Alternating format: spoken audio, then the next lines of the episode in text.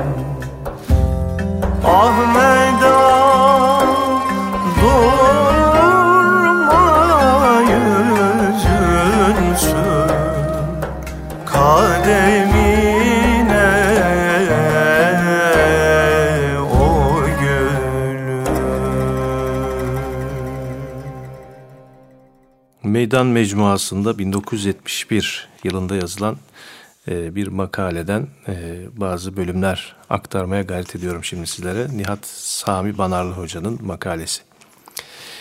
Bir Hint mihracesi körlere hele kısa bir müddet dünyayı gördükten sonra gözlerini kaybedenlere acır, onları sarayına toplar. Onlara bakar ve gönüllerini alırmış. Ama nihayet mihracı da bir insanmış. Bir gün Ömürlerinde hiç fil görmeyen körler bir filin yanına konsalar acaba ne derler diye meraka düşmüş. Bu gör, gözleri görmeyen insanları bir filin yanına götürmüşler. Bakın bakalım acaba fil nedir diye sormuşlar. Elleriyle filin bacağını tutan birisi fil bir direktir demiş. Filin kulaklarına yapışan birisi fil bir yorgandır teşhisinde bulunmuş. Filin hortumunu elleyen de fil bir borudur hükmünü vermiş. Bunlar görmeyenler. Ya görenler arasındaki görüş farklılıkları Deniz kenarında bir mektepte edebiyat hocası bir kompozisyon vazifesi vermiş. Denize bakın, düşüncelerinizi yazın demiş. Mektep Leyli'ymiş. Annesini çok özlediği anlaşılan bir talebe, deniz beni annemden ayıran sudur diye yazmış. İşin keyfini düşünen bir başkası, deniz yazın yıkanıp serinlen, serinlediğim en büyük havuzdur gibi bir şey söylemiş. Çocuklardan biri de Yahudiymiş. Deniz dibinde hazineler saklayan batık gemiler yutmuş bir ejderhadır cevabını vermiş. Bir çocuk da demiş ki deniz bir yalancıdır. Ne rengi kendi rengidir ne dalgaları ve köpükleri kendisinindir. Birinciyi bulutlar veya gökyüzü boyar, ikinciyi rüzgar yaratır. Bülbül hep aynı seslerle öter ama biz ızdırapta isek onun inlediği vehmine kapılırız. Değil de neşeli isek bülbülün sesi feryat değil şakımaktır. Berrak bir gün vadiden bir sabah neşesi içinde halk şairinin şakı bülbül var uyandır yarimi ben kıyamam sen uyandır yarimi derken duyduğu bülbül sesi nerede? Bursa şehrimiz Yunan işgali altında ezildiği gün İstiklal Marşı şairiminin neden öyleyse matemlere eyyamın perişandır? Niçin bir katrecik göğsünde bir umman hurişandır diye kendi gibi inlediğini duyduğu bülbül nerededir? Bir batılı e, psikolog bu hadiseyi şu ibrete değer mısralarla anlatır. İki adam kıyıdaki yüksek bir kayanın üstüne çıktılar ve gözlerini denizi dinlemek için kapadılar. Biri cennetten kopan saadet seslerini işitiyorum. Öteki ben ise cehennemdeki insanların feryatlarını duyuyorum dedi. O zaman duydukları seslerin rüyasından hayretle uyandılar ve gözlerini aynı güneş altında yeniden açtılar. Büyük denizler, gönülleri ve hayatları birbirinden farklı olan insanlara göre farklı konuşmayı bilir. Aynı düşünceyi Türkiye'de hece vezni cereyanının ümit ve ahenk dolu şairi Ali Mümtaz Erolat da o zaman şu mısralarla terennüm eder. Gözlerini kapa, denizi dinle. Eğer inliyorsa beraber inle. Ve yalvarıyorsa birlikte yalvar. Eğer gülüyorsa durma, gül sen de. Sanma dağlarda hisli bir ruh var. Ağlayan da senin gönlün, gülen de.'' Sayısız varlıklar karşısındaki değişik insan bakışlarını sayamayız. Deniz misaline devam edecek olursak, yalnız bizim şiirimizde çok değişik sözlerle karşılaşırız. Mesela Tevfik Fikret, deniz kadın gibidir, hiç inanmak olmaz der. Başka şeyler de söylerse de hafızalarda yer eden mısrası budur. Yahya Kemal okyanus karşısında gördüm deniz dedikleri bin başlı ejderi demek ihtiyacını duyar. Buna mukabil ova ufkunda huzur, deniz ufkunda teselli duyulur sözleri de onundur. Nazım Hikmet bir Türk şairi gibi düşündüğü yıllarda Marmara'ya bakar ve bir deniz ki yol vermiş Hakan'ımın atına, şahit olmuş Fatih'in yüce sultanına mısralarını söyler. Faruk Nafiz'e sorarsanız da denizde düşüncenin geniş rüyası vardır der. Bu başkalıklar insanlığın bir bakıma enginliğini, bir bakıma da felaketini hazırlar. Çünkü her insanın iç alemi aşırı derecede farklı olunca insanları hatta hayırlı bir yolda birleştirmek güçleşebiliyor.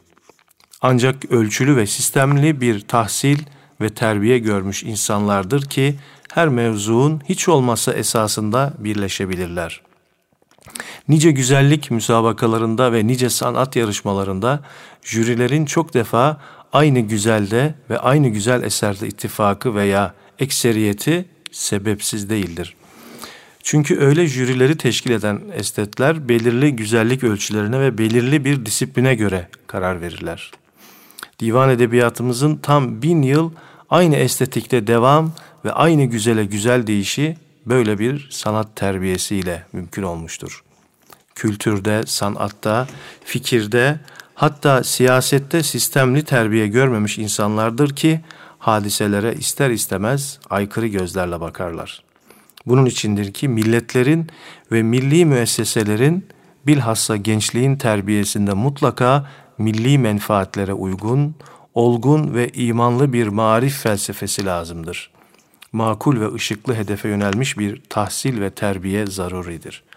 Bunun yanında zaten disiplini kaybolmuş bir milletin hayata, imana, vatana ve millete karşı değişik bakışlarını bir de partiler, politikacılar, basın bir araya gelip büsbütün bulandırır ve karıştırırlarsa netice Türkiye'nin maalesef bugünkü haline döner. Efendim güzel bir eser dinliyoruz. Sonra başka bir makaleyle sizlerle birlikte olacağız efendim.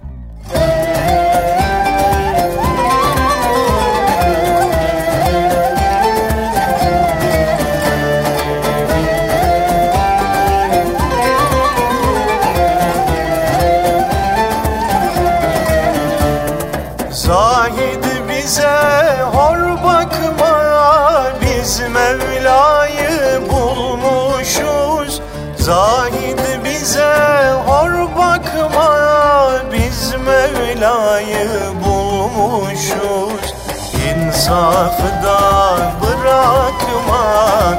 Hak ile hak olmuşuz İnsafı da bırakmak. Hak ile hak olmuşuz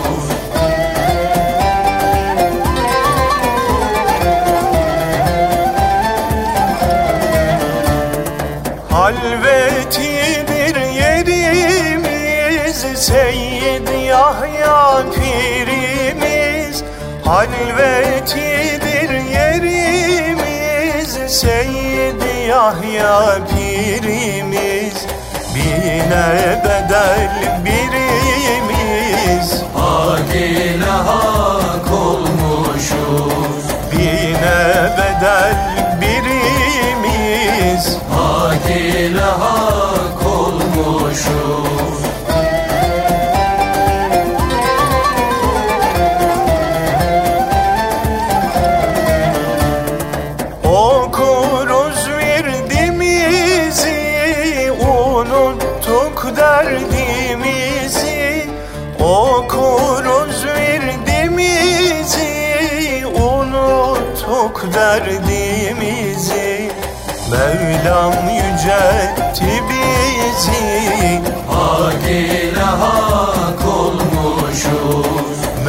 Mevlam yüceltti bizi.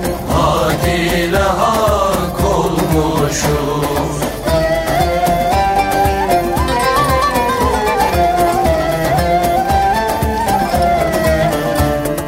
Aşkı bizim yolumuz Cerrahidir kolumuz. Aşkı bizim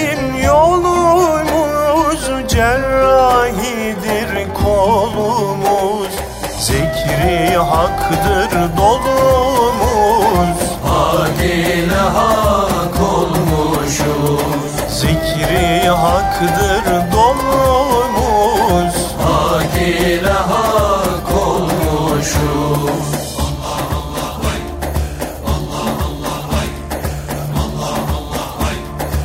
Medet ya sahiben meydan Lebin vasfından sultanım dehan aşık Zeban aşık. Sana ey mihri tabanım Zemin aşık Zaman aşık. Vücudi aleme bahis vücudun oldu zahir. Minel evvel ilel ahir Sana kevnü mekan aşık. Medet ya?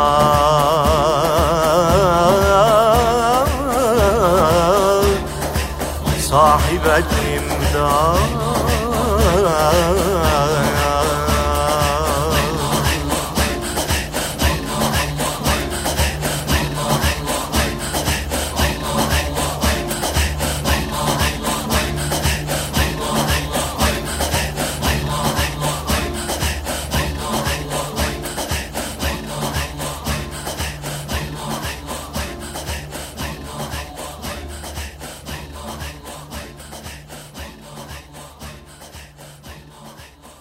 Efendim şimdi çalışmaya dair bir makalesini okuyacağım. Nihat Sami Banarlı'nın 1954 yılında yazmış bu makaleyi. Gönül çalışması insana gönül çalışması insanı aşka, kafa çalışması düşünmeye, araştırmaya ve keşfe ulaştırır. Sanatta, ilim ve fende bir kelime ile medeniyette yaratıcılar hem kafaları hem gönülleri bir arada ve aynı kuvvette çalışanlardır. Yani bir tekrar etmek istiyorum bu cümleyi. Sanatta, ilim ve fende bir kelimeyle medeniyette medeniyete yön veren kişilerin hem kafaları hem gönülleri ile aynı bir arada ve aynı kuvvette çalışmaları gerekiyor. Çalışmak sadece çalışmaya dair iyi niyet beslemekle olmaz. Çalışmak babaların yaptıklarına hiçbir şey ilave etmeyen bir görenekten ibaret kaldığı zaman da bir robot çalışması kadar yeknesak ve dar bir çalışmadır. İnsan bir makine gibi değil, bir kamil insan gibi çalışmalıdır. Kollar, ayaklar ve bütün adeleler insan olmayan canlılarda insandakinden daha iyi, daha kudretle çalışır. Hakiki insan çalışması insan uzuvlarının değil, insan kafasının kendi içinden çalışmasıdır. İnsan organları ancak yaratıcı bir kafanın emrinde çalıştıkları zaman insanca çalışmış sayılabilirler.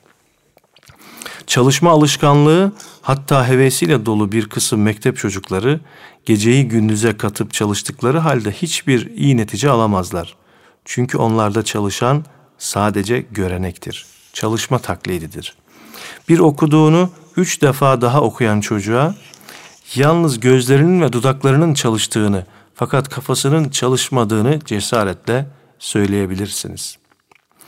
Bir muallim 30 kişilik bir sınıfta talebesine İstanbul Boğazı'nı hiç bilmeyen birine Boğazı ve güzelliklerini tanıtan bir kompozisyon yazınız demişti. 29 çocuk içinde bir dolu yeşil, mavi, su, sema, gelincik ve papatya kelimelerini bulunan bir takım şairane cümlelerle Boğaz'a dair güzel paragraflar sıraladılar. Bir tanesi ise Boğaz'a dair arkadaşlarından daha az yazdı. Fakat vazifesine bir boğaz haritası ve boğaz güzelliklerini tanıtıcı birkaç küçük resim ilave etti. Bunları birinci sınıf Avrupa mecmualarında görülen artistik bir mizampajla kompozisyon kağıdına çizdi, yapıştırdı ve en iyi notu aldı. Çünkü ötekiler vazife yapmak için çalışmış fakat maksat için çalışmamışlardı. Vazife yapmak için değil, maksat için çalışmak önemli demek ki. Beriki vazifesinin vazife yapmaktan ibaret olmadığını, hatta asıl vazifenin boğazı tanıtmak olduğuna akıl ve idrak etmişti. Yani elleriyle, hatıra ve hafızasıyla hatta duygu ve heyecan ile değil, kafasıyla da çalışmıştı. Evet, insan kafası yaratılış, ilim ve hayat problemlerini mesele edinebildiği nispette çalışır. Bu takdirde vücudun fazla hareket etmesine lüzum yoktur. Böyle kafalar hatta uyurken de çalışabilirler. Onların birçok rüyaları kafalarındaki meselelerin hayalleri ve hareketleridir. Büyük şairler, büyük ilim ve fikir adamları dışarıdan bakanlara çok kere tembel kimseler gibi görünürler. Ömürleri manzara seyriyle, sigara tüttürmekle, bir koltuğa gömülmekle yahut küçük bir içki masasında 3-5 kadeh e, içkiyi 3-5 saate içmekle geçinen bu hareketsiz insanlara şaşmayız. Yahut yanılıp kızmayız. Çünkü o sükun anlarında onların ruhları ve kafaları öyle şiddetle çalışıyordur ki sizin asırlarca dillerinizden düşüremediğiniz şiirlerin ve yüce tefekkürün parlak mısraları veya parlak eserleri çok kere o sükun anlarında doğmuştur. Çalışan kafalar bir tarih boyunca kafaları çalışmayanların vücutlarını çalıştırmış ve yeryüzü medeniyeti fikir patronları ile amele insanların müşterek eseri olmuştur. Fakat medeniyette hedef kafalarıyla çalışanların sayısını arttırmak olmalıdır. Bu takdirde insan, insan olmayan bütün varlıkları çalıştırarak eski amele insanlığı büyük insan kafaları sayesinde insanlaşacak cansızlara yüklenmiş olacaktır. Şöyle bir rivayet vardır. Hazreti Peygamber aleyhisselam kendisine büyük iman ve adalet problemleri sorulduğu zaman derhal cevap vermez ve vahiy beklermiş. Sanki bir köşeye çekilir, eşsiz zek- zekasını yalnız o problem üzerine teksif eder, saatlerce, günlerce süren bir fikir cezbesine kapılır, ilahi bir tefekkürle kendisinden geçer, yeniden kendine geldiği zaman meseleyi bütün aydınlığıyla kafasında halledilmiş bulur. Yani bir Kur'an cümlesini, Yüce Rabbimizin kelamını o sözleri halinde ruhunun tellerinde duymaya muvaffak olurmuş. Bu tarife göre vahiy, Allah'ın ruhları ve zekaları vahiy almaya müsait müstesna kafalara gönderdiği ilahi telkin olarak telkin olmak gerektir. Fakat kafa ile çalışmak vücudu hareketsiz bırakmak manasında bir miskinlikte değildir. Kafalarıyla çalışanlar hadiseler karşısında kafalarında şimşek çakan insanlardır ki bu yaratıcı elektrik derhal bütün vücudu hatta bütün başka vücutları harekete geçirir. İnsanlığı daha çok medeniyete, daha çok insanlığa ve daha süratle kemale götürecek olanlar işte hep bu çalışan kafalardır. Efendim şimdi yine güzel eserler dinliyoruz ve sohbetimiz devam ediyor inşallah.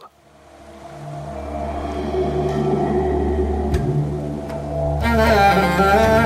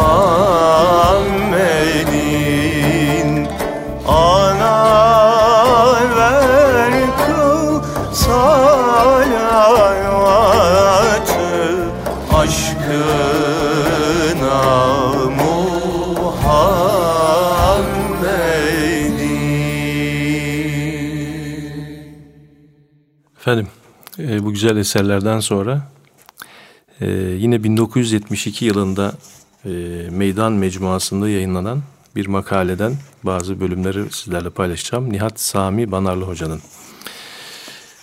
Belki hatırlayacaksınız. E, merhum Peyami Safa anlatır. Devlet, devrin tanınmış muharrirlerinden birinin iyi yetişmiş bir kızı ile Mevlana hakkında konuşuyorlarmış. Genç kız e, bu ismi önce Mevlana, Mevlana telaffuz etmiş. Peyami Safa düzeltmeye kalkışınca bu sefer Mevlana diyecek olmuş. Velhasıl, velhasıl bu genç kıza Mevlana dedirtmek o gün mümkün olmamış. Bir kısım gençlerimizin dilinden asa kelimesinin çektiği de bundan başkası değildir. Üstelik dilimizde öteden beri kullanılan iki ayrı asa vardır. Bunlardan biri asa, öteki de asa telaffuz edilir. Birincisi sopa değnek manasındadır. İkincisi gibi veya benzeri de demektir. Kelimenin Farsçada daha başka manaları da vardır. Esasen asa Arapça, asa Farsçadır. Son zamanlarda bu kelimeyi kullanmaya çalışanlar ise şimdi üçüncü bir telaffuz icat ettiler. Asa. Demek ki asa kelimesinin bir a'sı uzun okunacak. Hamdolsun bunu bilenlerimiz tükenmemiştir. Ancak hangi a'sı uzayacak? İşte bunu bilemiyoruz. Hadise Türkçe'de uzun hecenin bir zevk ve ihtiyaç olduğunu belirten misallerdendir. Ancak mutlak bir dil anarşisi içinde bu sesin nereye konulacağı bilinemiyor. Hoca rahmetli bunu 1972 yılında yazdığını tekrar hatırlatayım sizlere efendim. Sopa ve değnek manasına gelen asa kelimesinin tarihi efsaneye göre insanlık tarihi kadar eskidir. Bir İbrani efsanesi asanın Adem peygamber tarafından cennetten getirildiğini söyler. Sopanın cennetten gelmiş olması Türk halk felsefesinde de yaygındır bir türlü yola gelmeyenler için en iyi terbiye vasıtasının kötek olduğunu Ziya Paşa'da meşhur manzumesine almıştır.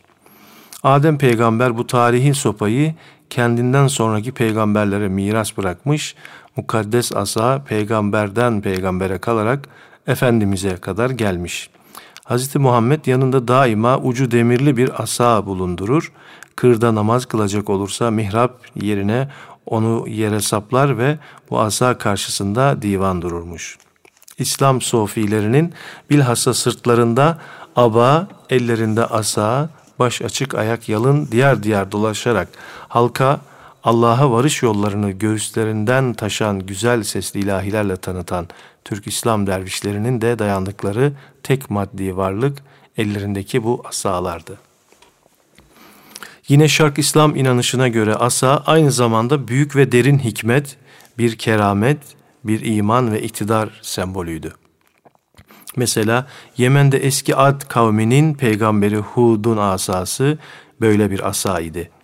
Ad kavmi hak yolundan saptığı için Allah onları üç yıl kuraklıkla cezalandırmıştı.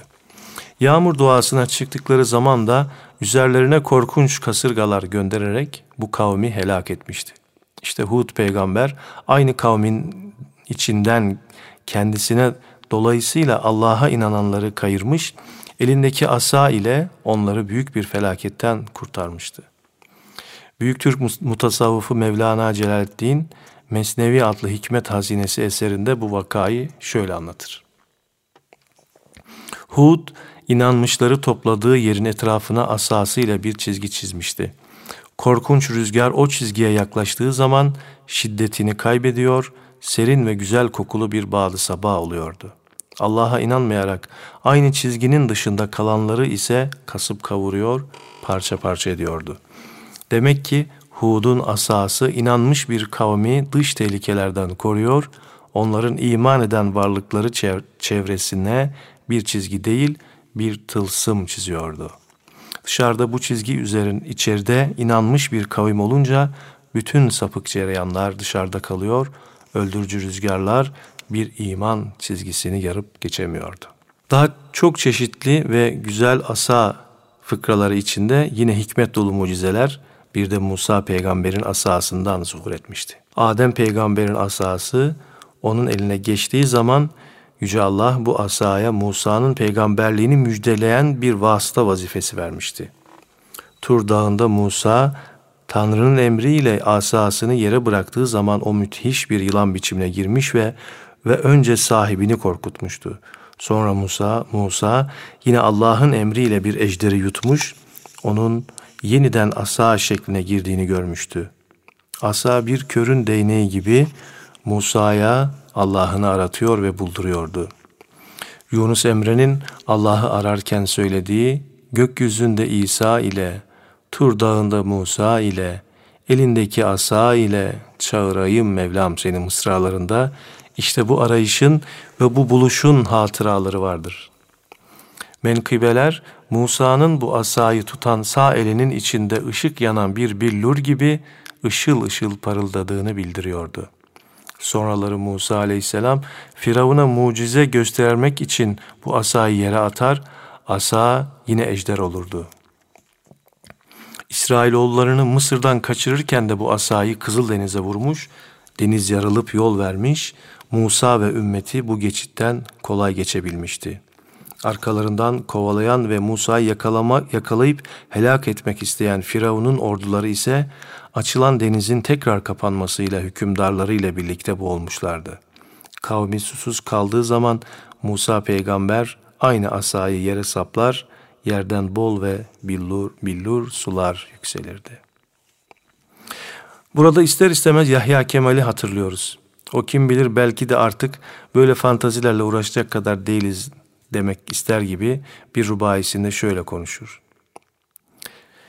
İman bir şevk olan zamanlar geçti. Peygamberlerle kahramanlar geçti.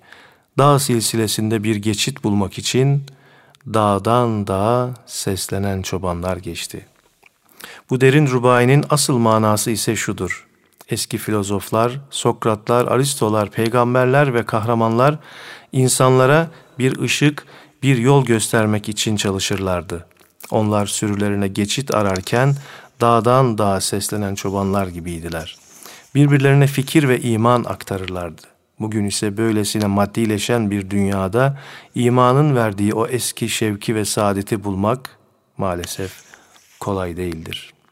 Bütün bu kıssalardan bir hisse çıkarmak ve asanın lüzumunda cennetten çıkmış şeklindeki halk felsefesine dönmek zamanı gelmiş hatta geçmekte midir?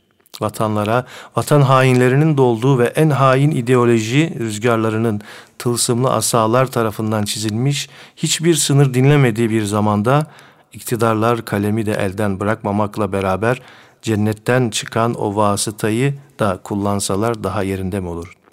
Bir de içinde bunca asa geçen bir yazıyı okuyanlar arasında hala asa yerine asa veya asa diyecekler var mıdır? Değerli dinleyenler, içinde şüphesiz böylesi yoktur ama ya dışarıdakiler? Memleketimizde şu an 34 yıldan beri öylesine sopa gibi bir dil vücuda getirildi ki diyor Üstad ki bunu söylediğinde söyleyeli 40 sene olmuş. İnsan vatan çocuklarının dilleri artık güzel sesli Türkçe'ye dönmeyecek diye adeta endişeye kapılıyor. Ee, rahmetli hoca bugünleri görseydi acaba nasıl bir makale yazardı? Onu da aklımıza getirmeden, söylemeden edemiyoruz. Efendim e, bugünkü programımızda böyle değişik bir e, konuyla, değişik bir e, fikirle sizlerin karşısına çıktık. Nihat Sami Banarlı Hoca'nın ölümü münasebetiyle, ölüm yıl dönümü münasebetiyle onun bazı makalelerini sizlere okumaya gayret ettik. Efendim e, yine güzel eserler dinleyerek programımıza burada son veriyoruz. Bu vesileyle de Zilhicce ayımızı tebrik ediyoruz. Yüce Rabbimiz bizlere sağlık, afiyetle bayrama ulaştırmasını Yüce Rabbimizden niyaz ediyoruz. Allah'a emanet olun efendim.